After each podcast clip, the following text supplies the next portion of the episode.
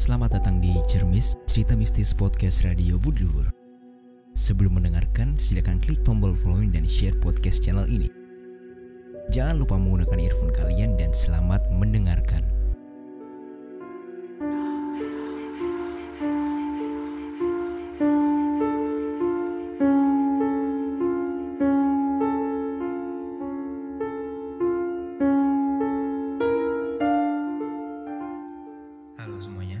Selamat malam. Selamat datang di Cermis, cerita mistis podcast Radio Budi Luhur. Yes, I know. It's been a while since ya 30 Juli 2020. Tentu di tahun 2020 kemarin gak banyak yang bisa gue bawain di podcast Cermis. Dan gue berharap di tahun yang baru ini kita akan sering berjumpa. Malam ini gue ngerasa ada beberapa hal yang mungkin harus gue ceritakan. Walaupun udah lama sih. Tapi cerita ini dan sejarah ini cukup membuat gue penasaran. Yang awalnya gue berpikir ini gak ada kaitannya sama episode kemarin. Tapi ternyata ini berkaitan. Dan yang selalu berbesit dan kepikiran di kepala gue adalah Bung Karno. Ya, soal petilasan itu. Jadi, di episode ini, gue akan mengulas istana para penguasa kawasan Kebun Raya Bogor. Yang kabarnya memiliki keterkaitan antara penguasa pada masa lampau. Tapi apakah Anda percaya dengan hal mistis? Atau mistis itu hanya intuisi saja? Mari kita bedah satu persatu.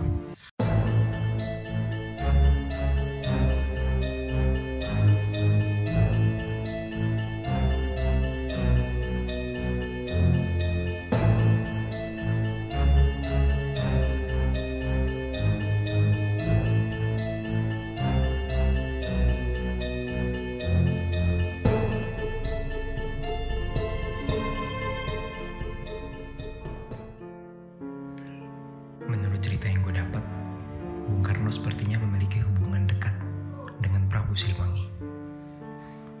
Seakan-akan mereka di dalam istana yang sama, atau mungkin satu kawasan yang memiliki banyak istananya.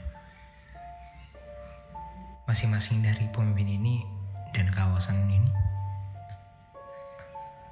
adalah Istana Kebun Raya Bogor yang berada di Kebun Raya Bogor.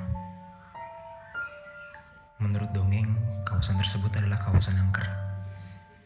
Karena sejak zaman para gubernur, jenderal, di titik-titik kawasan tertentu selalu diberi sesajen.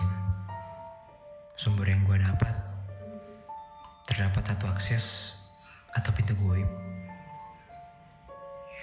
di padepokan Bung Karno. Entah akses itu menuju ke mana,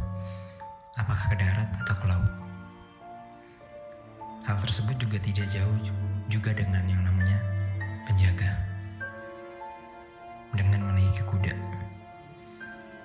Apakah itu kuda putih? Entah. Gue juga takut untuk mengatakannya. Pengunjung wisatawan kabarnya suka melihat penampakan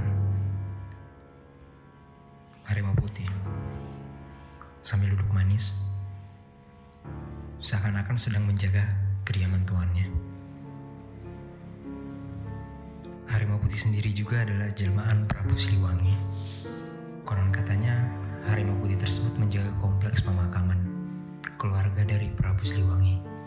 Sekaligus, salah satu makam tersebut adalah merupakan makam istri pertamanya, yaitu Ratu Galumangku. Sampai sekarang, kawasan tersebut masih ramai dengan pengunjungnya. Sudah jelas bahwa kita sebagai manusia harus tahu betul sejarah dan menjaganya selayaknya mungkin. Tidak ada hal mistis yang tidak penuh misteri. Semuanya sudah jelas mempunyai misterinya masing-masing.